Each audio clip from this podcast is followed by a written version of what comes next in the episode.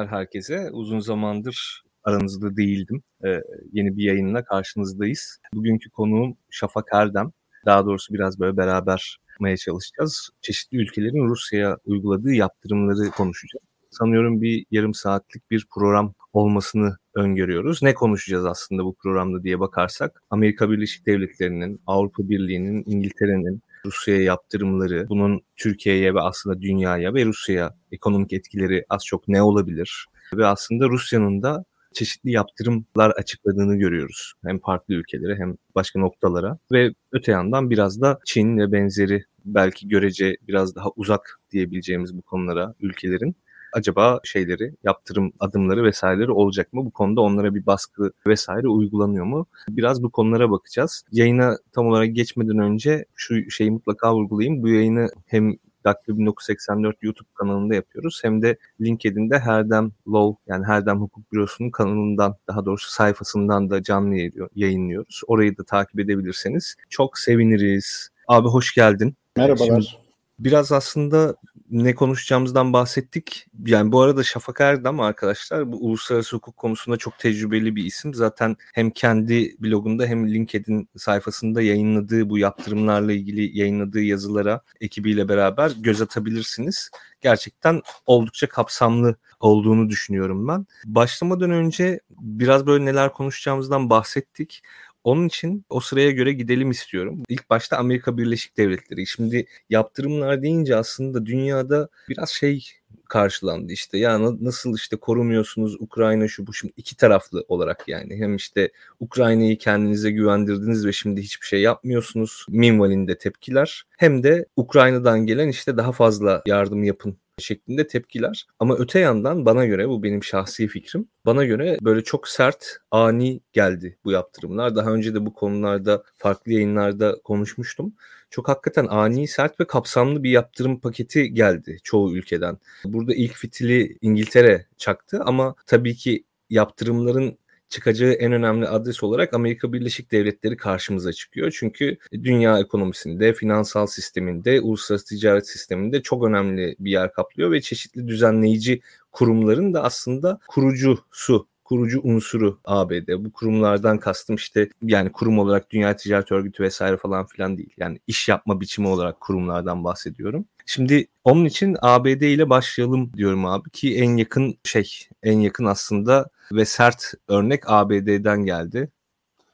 Aslında evet ABD'den geldi. Bir de ben kısa bir giriş yapmak istiyorum aslında bakarsan. Genelde şöyle bir algı vardır ya bize ne yaptırımlardan işte Amerika Ukrayna'ya yapıyor. Biz Türkiye'yiz, tarafsız kalıyoruz. Bu bundan önceki yaptırım programlarında da çok dile gelen bir konu. Aslında teoride evet, pratikte hayır. Bize ne yaptırımlardan? Tamam küresel ticarette bir tedarik zinciri, bir üretim zinciri vesaireler var. Dolayısıyla bu yaptırımlar her halükarda bir şekilde ekonomik sonuçlarını doğuruyor olacak. Ama hukuki tarafta baktığınız zaman eğer siz Amerika Birleşik Devletleri'ne git gitmiyorsanız, Amerika Birleşik Devletleri ile dolarla bir ticaretiniz yoksa, Amerika Birleşik Devletleri'nde herhangi bir işiniz, iştigaliniz, oradan sağladığınız bir gelir, sattığınız bir ürün vesaire yoksa ve kendi kabuğunuzdaysanız sadece ekonomik etkileri dışında hukuken evet Amerikan yaptırımları sizi ilgilendirmiyor. Ama bu büyük piyasada, bu kadar büyük global ticaret içerisinde ne oranda sizi ilgilendirmiyor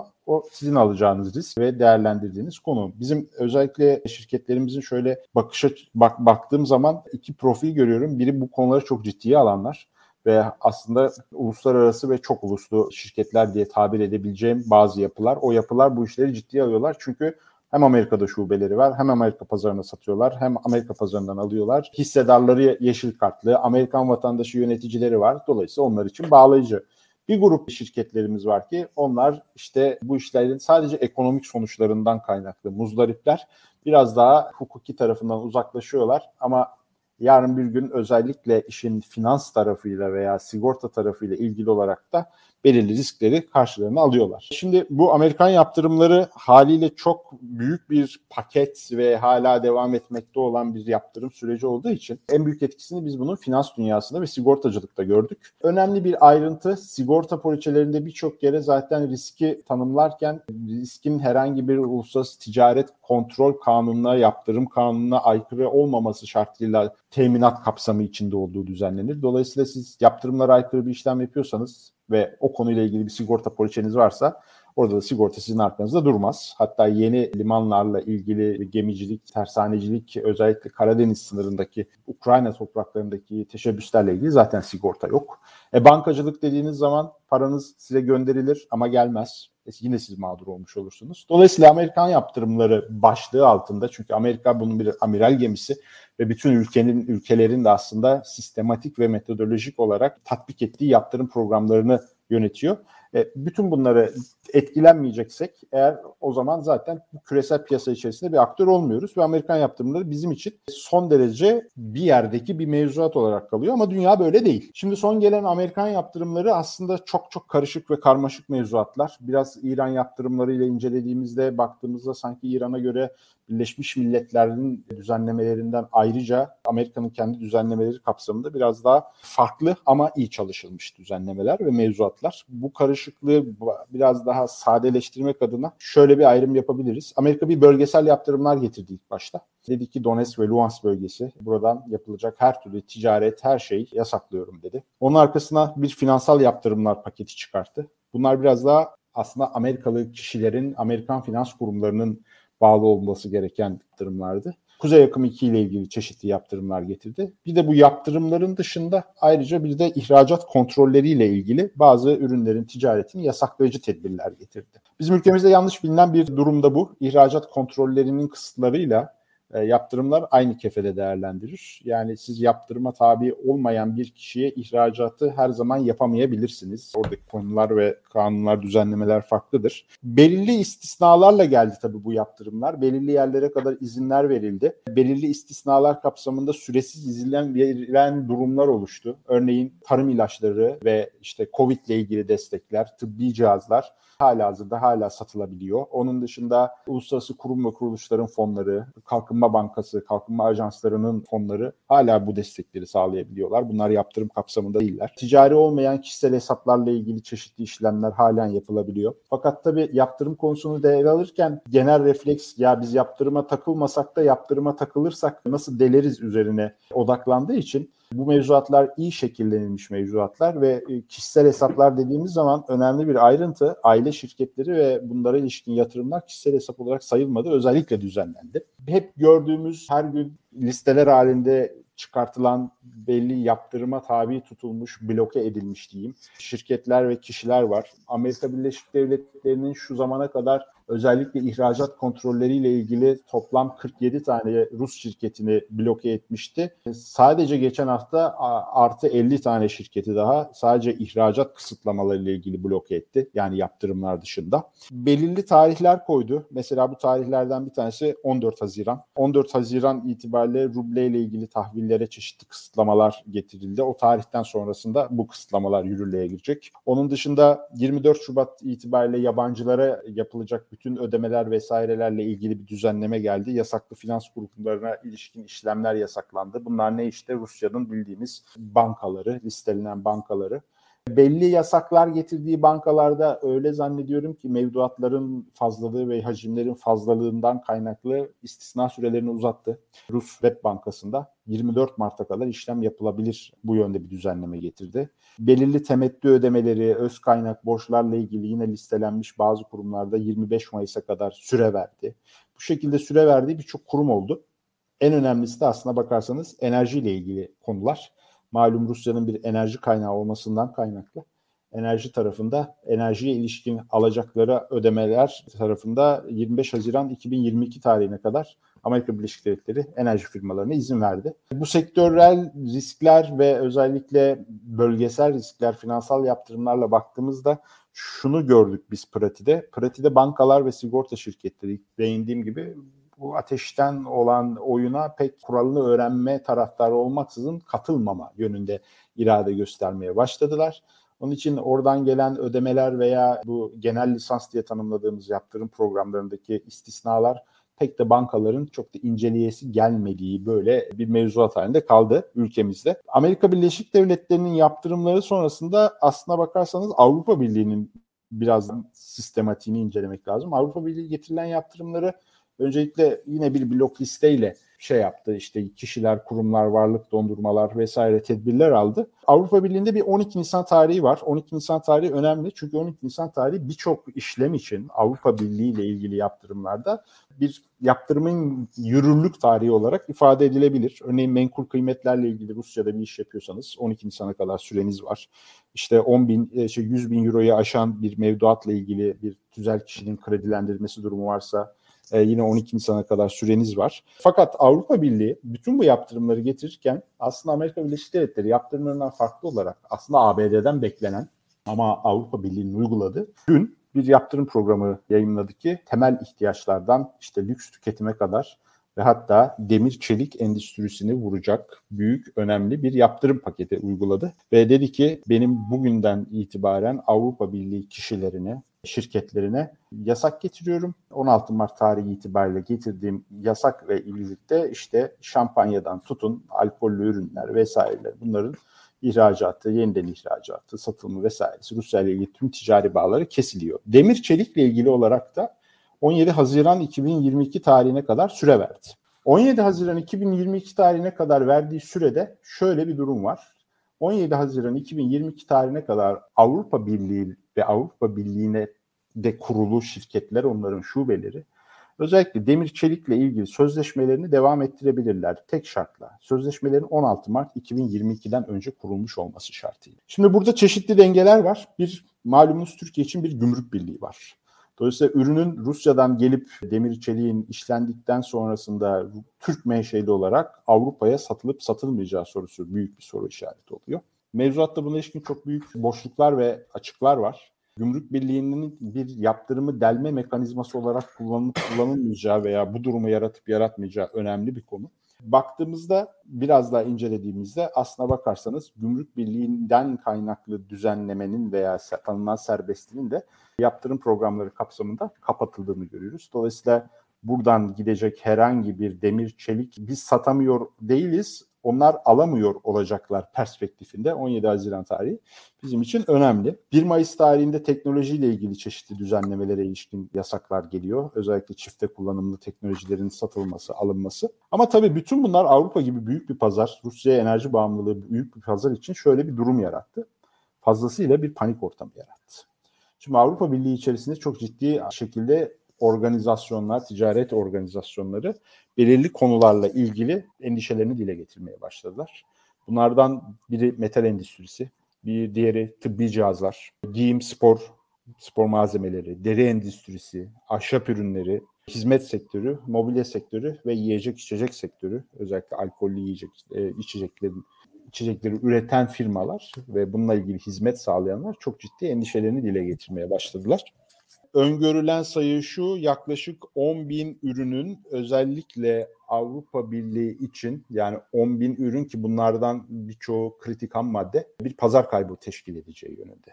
Dolayısıyla Avrupa için bir ham madde tedariğinde bir problem öngörülüyor. Bunun yanı sıra çeşitli yasal mevzuatları tekrar gözden geçirme, işte bu karbon salınımı sınırda karbon kontrolü ile ilgili düzenlemelerin yaptırımlarla ilişkisi, onun dışında antitrust ilişkileri, rekabet hukukuna ilişkin düzenlemeler, buralarda nelerin gelip gelmeyeceği, tek pazar işleyişinde ne gibi önlemlerin alınması, bu ihracat yapılacak, ithalat yapılacak konularla ilgili yasaklarda, yaptırımlarda hangi veriyi nasıl işleyeceksiniz? Etkin bir veri koruma ve, ve veri izleme mekanizmasının sağlanması.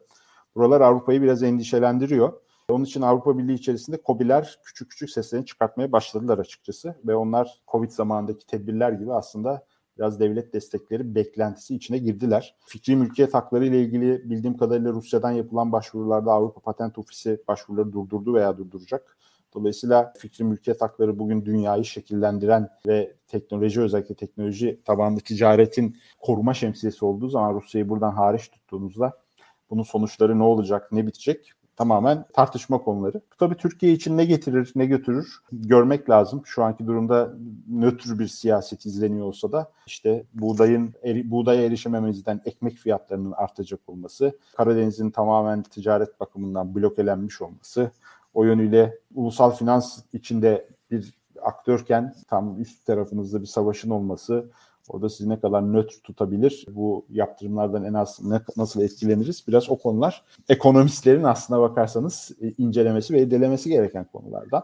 Yani aslında evet ekonomistlerin incelemesi gereken konular ama şu an için şey biraz hafiften belirsizlik var. Yani bir karmaşa var daha doğrusu. Evet çok sert, güçlü yaptırımlar geldi ama her yaptırım paketi aslında zaman geçtikçe biraz şekil değiştirir. O yaptırım paketinin belki etrafından dolanmak, belki işte yaptırımı uygulayan ülkenin ihtiyaçları doğrultusunda vesaire biraz böyle farklı yönlere doğru gidebilir. Ama şu an gördüğümüz şey şu en azından baktığımızda uluslararası ekonomi açısından zaten bu savaş çıkmadan önce biraz böyle küresel ekonomide yavaşlama başlamıştı. O yavaşlama riski vardı. Küresel ekonomi yavaşlıyordu ve hatta şey konuşulmaya başlanmıştı. Normalde biliyorsunuz gelişmiş ülke merkez bankaları bir faiz artırımı sürecine girdi, başladı. Acaba bu faiz artırımı süreci ni biraz daha ertelesek mi şeklinde konuşmalar yavaş yavaş işte uluslararası ekonomi çevrelerinde konuşuluyordu. Fakat savaş bunun üzerine biraz daha tuz biber ekti. Çünkü Rusya hali hazırda işte çok ciddi enerji ihracatçısı ve büyük bir ülke. Onun yol açtığı bu karmaşa küresel ekonomiyi daha da yavaşlatma riski var ve özellikle Avrupa Birliği için çok ciddi bir sıkıntı var. Biraz önce bahsettiğiniz gibi aslında enerji tarafı ve sadece enerji tarafı da değil tabii demir çelik işte finans sigortacılık ve bunların hepsi yani özetlersek aslında yaptırımlara takılmayalım diye aslında belli yerlerde kendi başlarına bile yani bir nevi otosansür şeyi gibi frene basma halindeler şu an. İşte yayından önce konuşuyorduk. Türkiye'ye gelen Ruslar işte bu Rus parası, oligarkların parası Türkiye'ye gelir mi, şu mu bu mu? Tüm bu tartışmalı temelinde aslında biraz da buradan bakmak lazım. Türkiye'ye gelen Ruslara Türk bankaları hesap bile açmak istemiyor şu an. Yani herhangi bir Rus insan yani kişisel şahıs olarak gittiğinde banka banka gezip işte hesap açtıramama, hesap açamadıklarına dair çok fazla örnek var elimizde. Şimdi dünya ekonomisinin bu yavaşlaması neticesinde işte bu faiz artırım süreçlerinin biraz sekteye uğraması, işte Merkez Bankası bilançolarının küçültme hareketlerinin biraz daha gevşemesi, daha ileriki bir zamana atılması ve yavaşlaması gibi riskler söz konusu. Dünya ekonomisi açısından aslında durum biraz kritik sadece Avrupa için de değil. Avrupa birincil olarak zarar görebilecek ülkelerden biri. Örneğin bir İtalya örneği var mesela. İtalya ciddi mücevher ihracatçısı aslında şey için. Rusya için. Yani Rusya Türkiye üzerinden yaklaşık 400 milyon dolara yakın bir mücevher ihracatı. Sadece mücevherden bahsediyorum. Yani ve sadece İtalya'dan bahsediyorum. Şimdi burada bir ödeme sistemi sıkıntısı var. Ödeme sistemi sıkıntısı olmasa bile zaten Rusya tarafında talep deli gibi düşecek. Rus borsası hala açılamadı. Yani Rus borsası açılamadığı için oradaki sorunun büyüklüğünü de daha tam kavrayamıyoruz. Ama Rus şirketlerin farklı ülkelerde işlem gören, farklı ülke borsalarında işlem gören Rus şirketlere baktığımızda çok ciddi yani %90-95'lik oranda bir kayıp olduğunu görüyoruz. Bir Rus borsası açılınca da bu değişmeyecek. Yani Rusya'da sadece Rusya'da işte Rus borsasında yatırım yapmış olan yabancılar satıp çıkmaya çalışacak ve fiyatlar daha da düşecek. Aslında şu an yaşanan şey değişmeyecek. Sadece derinleşecek. Biraz böyle Türkiye tarafına da ekonomi açısından hafif bakmak isterim ama onu belki sonraya bırakabiliriz. Sadece şunu söyleyebilirim. Son zamanlarda çok konuşulan konu bu olduğu için. Hatırlarsanız ABD bu Halkbank vesaire davalarında hatta kanalın eski yayınlarına bir bakarsanız Şafak Erdem'le biz yine yayın yapmıştık benzer bir şey vardı. O zaman röportaj da yapmıştık. Dakika 1984'ün sitesinden kontrol edebilirsiniz, bakabilirsiniz, bulabilirsiniz. Bu iş çok başka bir noktaya gidiyor. Öyle siz Rus oligarkın parasını alayım, işte o burada yatırım yapsın, şu bu yapabileceğiniz bir noktaya gidemeyebilir. İran yaptırımları çok eski işte dediğim gibi artık çevresinden dolaşılmaya alışılmış işte bir sürü istisna içeren karşılıklı birçok anlaşmayla vesaireyle tekrar tekrar delinmiş, yıpratılmış bir yaptırımlar paketi var İran'a. Onu bile yani İran'la yaptığımız şeyleri çok büyük hacimli de denemez bence dünya ticaretine, Türkiye'nin ticareti hacmine baktığımızda.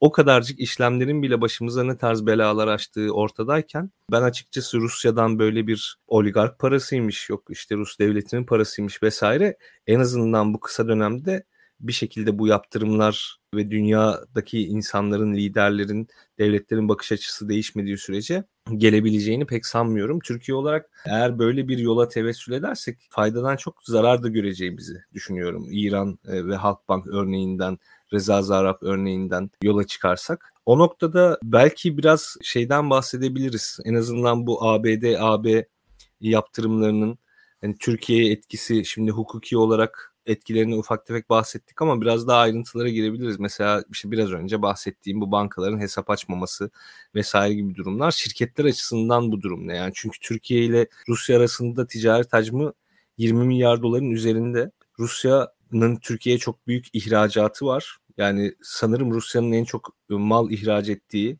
mal ve hizmet ihraç ettiği ilk 10 ülkeden biriyiz biz Türkiye olarak. Türkiye de yine ihracatı çok fazla değil Rusya'dan çünkü çok büyük enerji ithalatı yapıyoruz. Çok büyük ticaret açığı veriyoruz ama yine de 10 ya da 11. sırada falan olması lazım. Yani bizim de Rusya ihracatımız fazla. Şimdi bu iki tarafta biraz sekteye uğrayacak gibi duruyor. En azından sorunlar yaşanacak gibi duruyor. Şu an enerji için çeşitli şeyler yapılsa da ne denir? İstisnalar vesaireler yapılsa da sorunlar ortaya çıkacak gibi duruyor. Türkiye'ye nasıl bir etkisi olur hukuki anlamda Türkiye'nin tavırlarına bağlı olarak? Çünkü bugün Çavuşoğlu Rusya'da yanlış bilmiyorsam orada mevkidaşı Lavrov'la görüşüyor. Bu tarz ikircikli diyebileceğimiz çeşitli hareketler var böyle tarafsızlık kisvesi altında. Aslına bakarsan Türkiye'nin oligarklarla ilgili anlattığın hikayeden başlayayım. Türkiye'yi biraz daha doğru dokunması için. Tarihinde herhalde ilk kere ilk kez İngiltere Rusya'ya yönelik yaptırım rejimi kapsamında garip bir görev gücü kurdu. Oligark görev gücü diye. Yani İngiltere aslında bu zengin oligarkların parasını nereye gittiğini, mal varlıklarını nereye gönderdiklerini vesairelerini resmi olarak araştırıyor. Şimdi Türkiye tarafında bir İngiltere'nin böyle bir takibi varken çünkü malum finansal sektör ve sigorta sektörünün kalbi. Türkiye hangi pozisyonlarda bir şekilde karşısına çıkar İngiltere'nin bunu her olay kendi içinde gösterecektir. Ama bizim tarafta şunu anlamamız lazım. Bir çok ciddi anlamda bir ham madde problemi yaşanacak. Yani pandemiden sonraki daralma bu ham madde problemini önemli bir şekilde daha da farklı sektörlerde katmanlaştıracak. Onun dışında benim biraz daha düşüncem serbest ticaret anlaşmaları noktasında yeni inisiyatiflerin ortaya çıkabileceği ve Türkiye'nin bu fırsatı değerlendirirse bence iyi bir aşamada, iyi bir konumlanmada olabileceği ama neye rağmen ve ne için soruları. Çünkü bugün bütün bu krizler yaşanır vesaireyken hala bizim kassadan kaynaklı yaptırıma tabi tutulmuş devlet yöneticilerimiz var. Hala oradaki yaptırımlar duruyor. Hala 2019'un Ekim ayında Trump'ın çıkarttığı Türkiye'yi aslında merkezine alan Suriye ile ilişkin yaptırım programları vesaireler var. Dolayısıyla Avrupa Birliği ile ilişkiler malum. Suriye'de yaşadığımız problemlerden kaynaklı Avrupa Birliği ile göçmenlik konusundaki konular malum. Ve tabii Ukrayna'dan o tarafa gidecek göçmenleri Avrupa Birliği'nin tam olarak artık ne şekilde bir uygulama yapacağı henüz oturmuş bir şey değil. Şimdi hem Rusya ile hem Ukrayna ile diplomatik ilişkilerin yürütülmesi evet önemli. Ama bir tarafta da kırılganlıklar var. Bu kırılganlıklar kendi içerisinde farklı sektörlerde daha fazla ve daha çok daha hızlı kırılganlıklara sebep olabilecek kırılganlıklar. Ukrayna ile ilgili savunma sanayinde bizim motorla ilgili projelerimiz vardı. Olmadı. İkameyi nereden bulacağız şu an? Bir başka konu. Tarım vesaire konuştuk başka konu. Bir de seçimlerin geleceğini düşünürsek aslına bakarsanız yani Türkiye'nin şu anki takip ettiği siyasi duruş ve pozisyon bence çok kötü değil. Bence iyi. Evet tarafsız olmak her zaman için iyi ama umarım bunu bir şekilde devam ettirebilir ve bir başarıya ulaşılabilir. Oradaki krizin sektörel etkisi çok fazla olacak. Hele ki böyle biraz da cadı avına çıkmış şey gibi ülkeler kendi görev programları vesaireler oluşturup bunu didik didik ettikleri sürece İran'da yaşanılan yaptırımları delme veya yaptırımlarla ilgili başımızın ağrıması ile ilgili konular burada daha çok karşımıza çıkabilir. Bir de şöyle bakmak lazım. Aslında bu yaptırım konusu bir ekonomik savaş diyor ya Putin. Ekonomik bir müeyyide. Şimdi bu müeyyideyi siz hangi gerekçeden ele alıyorsunuz? Ben hem Amerikan programlarına baktım hem Avrupa Birliği programlarına baktım. Bu ikisinin de arka planında aslına bakarsanız Amerika'nınki çok daha güzel bir şey. 11 Eylül'den sonra gelişen ulusal güvenlik ve dış siyaset gerekçe gösteriliyor. Ve bu arada finansal yaptırımlar gelirken yani Amerika tarafından gelen finansal yaptırımların dayanak olduğu düzenleme geçen yıla ait bir düzenleme. Yani Amerika zaten 2021 yılında Rusya'ya yönelik yaptırımları getireceğinin çerçevesini Rusya'nın Amerikan seçimlerine kat karışması ve buralara müdahalesi gerekçesiyle oluşturduğu bir yaptırım programını düzenledi. Birçok referans oradan çıkıyor. Doğrudan hızlı hızlı çıkardıkları işte Nisan ayı, şey Şubat ayında çıkardıkları yaptırımlar. Şimdi böyle bir sistematik durum var. Türkiye'nin tarafsızlığını götüreceği bir yer var. Hangi devletin ulusal güvenliği, hangi ülkenin ve Türkiye'nin neredeki nasıl ulusal güvenliği? Bu soruların cevabını vermek çok zor. Önümüzde seçimler var. Ekonominin durumu belli. Ya biz de işte Rusların karşı yaptırımları gibi bir, kendimizi korumak için bir mekanizmalar geliştireceğiz. Onlar da C tipi hesaplar bilmem türlü türlü hesap numaraları geliştirdiler. İşte rubleyi koruyup dövizi dışarı çıkarmayacak şekilde tedbirli önlemler aldılar. Biden'a yaptırım getirdiler. Bir dönem bizde de benzer yaptırım durumlar gelmişti. Sembolik de olsa bir şeyler yaptılar ama Türkiye bence burada politikadan ziyade bir belki hakikaten bu atmosferin ve bu konjektürün şekillendireceği ekonomik ekonomi ekosisteminde bence bir doktrine sahip olması gerekiyor.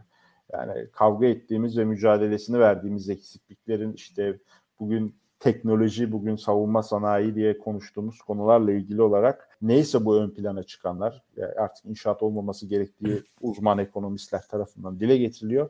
Buralarla ilgili artık yeni değişen dengede bunu bir serbest ticaret anlaşmaları ekseninde de değerlendirmesinde bence fayda olacaktır. Ve burada önemli olan bir şey tabii Çin.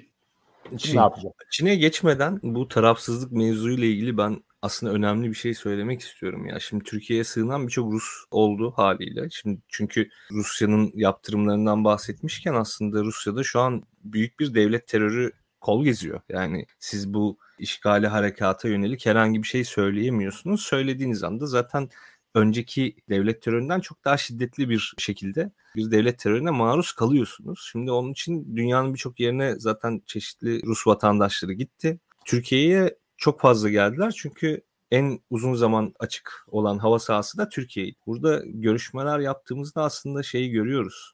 Türkiye'nin bu tarafsız diyebileceğimiz tutumunun çok güvenilmez bulunduğunu görüyoruz Rus vatandaşları tarafından. Hani Rusya'nın bu harekatına yönelik Türkiye'de dahi olsa bir şeyler söylerse, bir laf ederse Türkiye'nin tutumunun ne olacağını henüz kestiremiyorlar. Yani acaba Türkiye bizi Rusya'ya iade eder mi? Olur mu? Bu olur mu? Burada özgürce hareket edebilir miyiz vesaire. Bunun daha önceki örneklerini zaten yaşadık Türkiye'de. İşte Arap Baharı sırasında şu oldu. Ya bir sürü şey yaşandı. İşte Mısır'da Mursi yanları geldi. İstanbul'da kanal kurdu.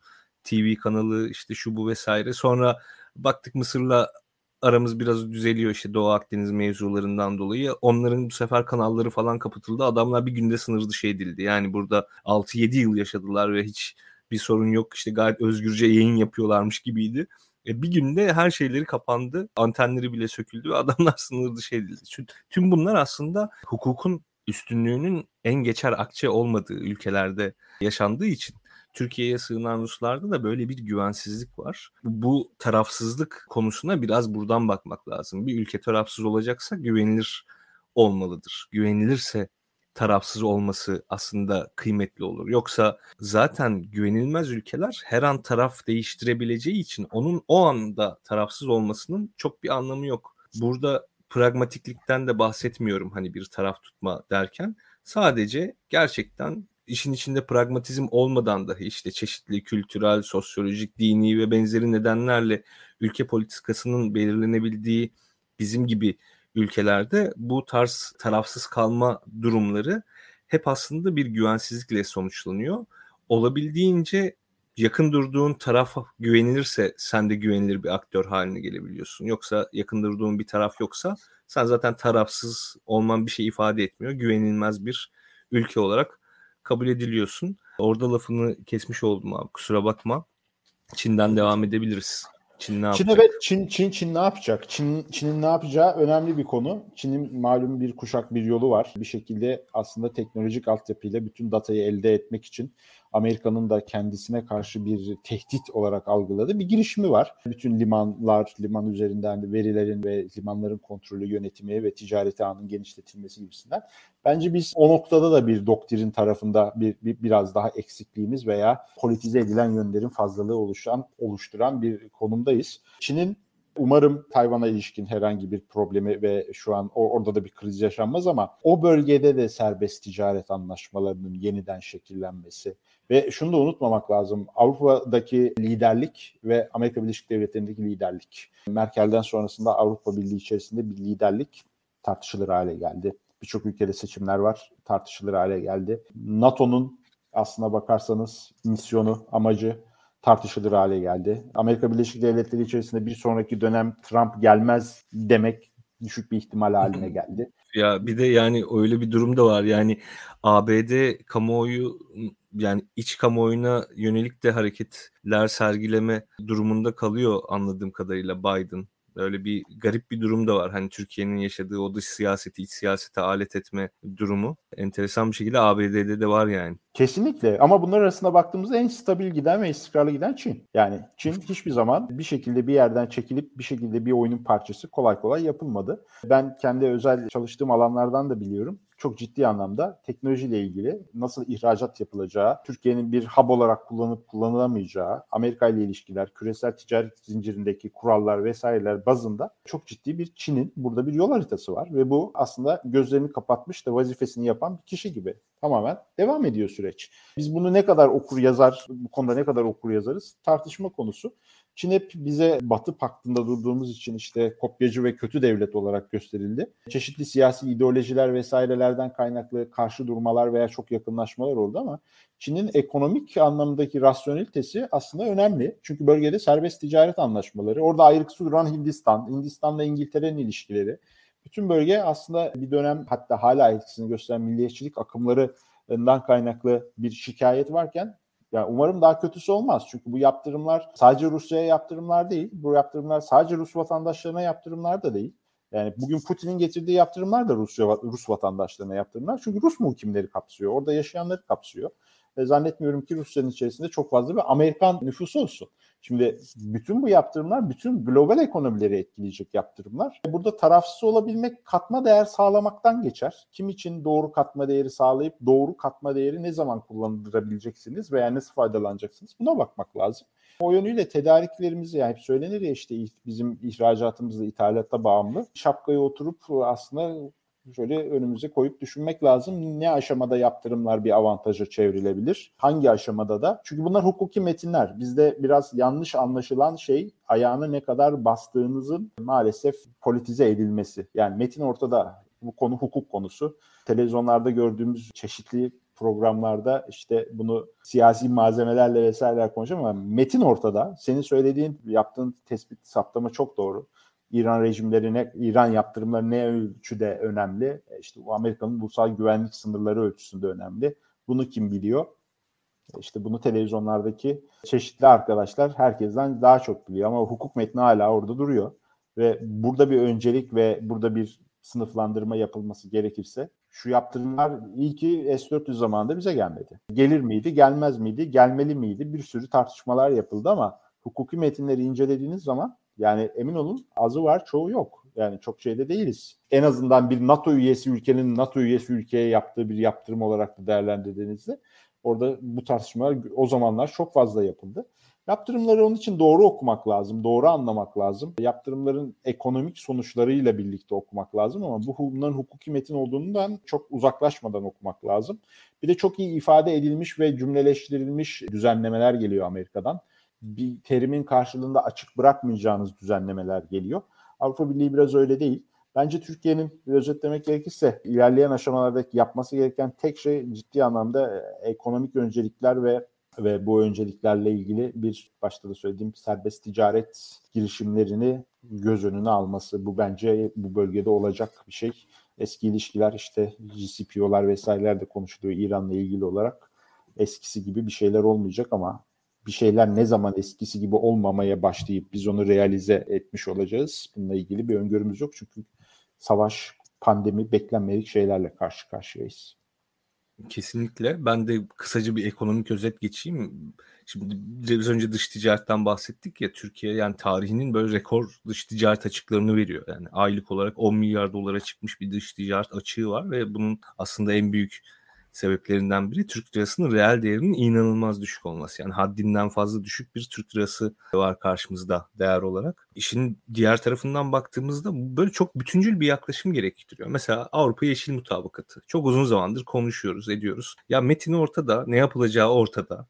Bugün işte bu karbon ticareti vesaire için çeşitli işte gelişmeler de yaşandı. Hani güncel bir konu olduğu için söylüyorum. O metin zaten bir yani yeni bir ekonomik sınır oluşturmak üzerine tasarlanmış bir metin. Yani işin tabii ki çevre yönü vesairesi var ama nihayetinde bunun uygulanma sürecinde şunda bunda siyaset ve ekonomi devreye giriyor ve o nihayetinde öyle sonuçları da olacak. Şimdi buna ilişkin mesela bir şey yapmazsanız olmayacak. İşte serbest ticaret anlaşmaları, gümrük birliğinin güncellenmesi ve benzeri konularda çok atak olmazsanız bu işin içinden çıkamayacaksınız. Bir yerden sonra tarafsız kalmanızın bir manası olmayacak. Bu ekonomik çıkarlar mevzusu hakikaten onun için önemli. Çünkü çok önemli bir ölçüm aracı elimizdeki. Yani çok böyle nitelikli, böyle günün koşullarına vesaireye falan filan göre değişmeyen, işte çeşitli ahlaki normlara, işte farklı şeylere göre çok da değişmeyen bir ölçüm aracı aslında bu ekonomik çıkar mevzusu.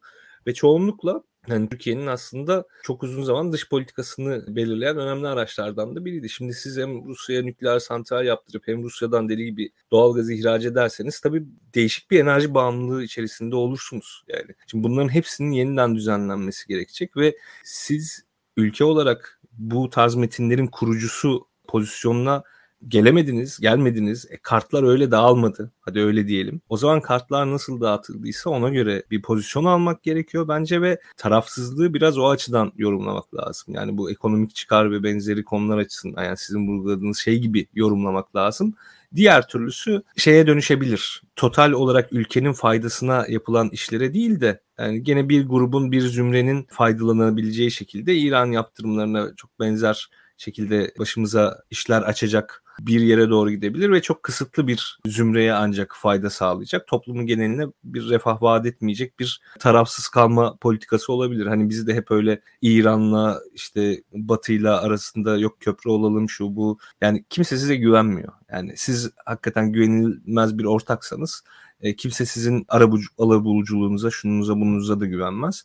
Ve hani bu tarafsızlık mevzusu biraz da bireysel özgürlükler açısından olaya bakmak lazım tarafsızlık mevzusuna. Yani sadece devletler vesaire değil. İşte biraz önce bahsettik bu Rus vatandaşlarının burada kendini aslında halen çok güvende hissetmemesi mevzusu. Şimdi bireysel özgürlükler şunlar bunlar açısından baktığımızda işin rengi biraz daha değişiyor. O zaman siz batılı ülkelere işte o hukukun üstünlüğünün daha güçlü olduğunu gördüğümüz ülkelere, daha medeni diyebileceğimiz ülkelere baktığınızda böyle hukuki metinler açısından onlara yakınlaştıkça tarafsız olarak zaten addediliyorsunuz bir yerden sonra veya işte daha net bir tarafınız olmuş oluyor. Eğer yani doğu dediğiniz işte Çin, Rus, İran falan yani hani bu yani ben batıdan değilim bunlardanım demek veya ben bunlardan da onlardan da değilim demenin hani bir taraf böyle hiç hakikaten özgürlük vesaire falan vaat etmediği için bir yerde bir anlamı kal- kalmıyor. Yani bu tarafsızlığın manası ne? Yani bu tarafsızlık sizi bir tık aşağı çekecekse özgürlükler ve hukuki güvence anlamında o zaman tarafsız kalmanın da bir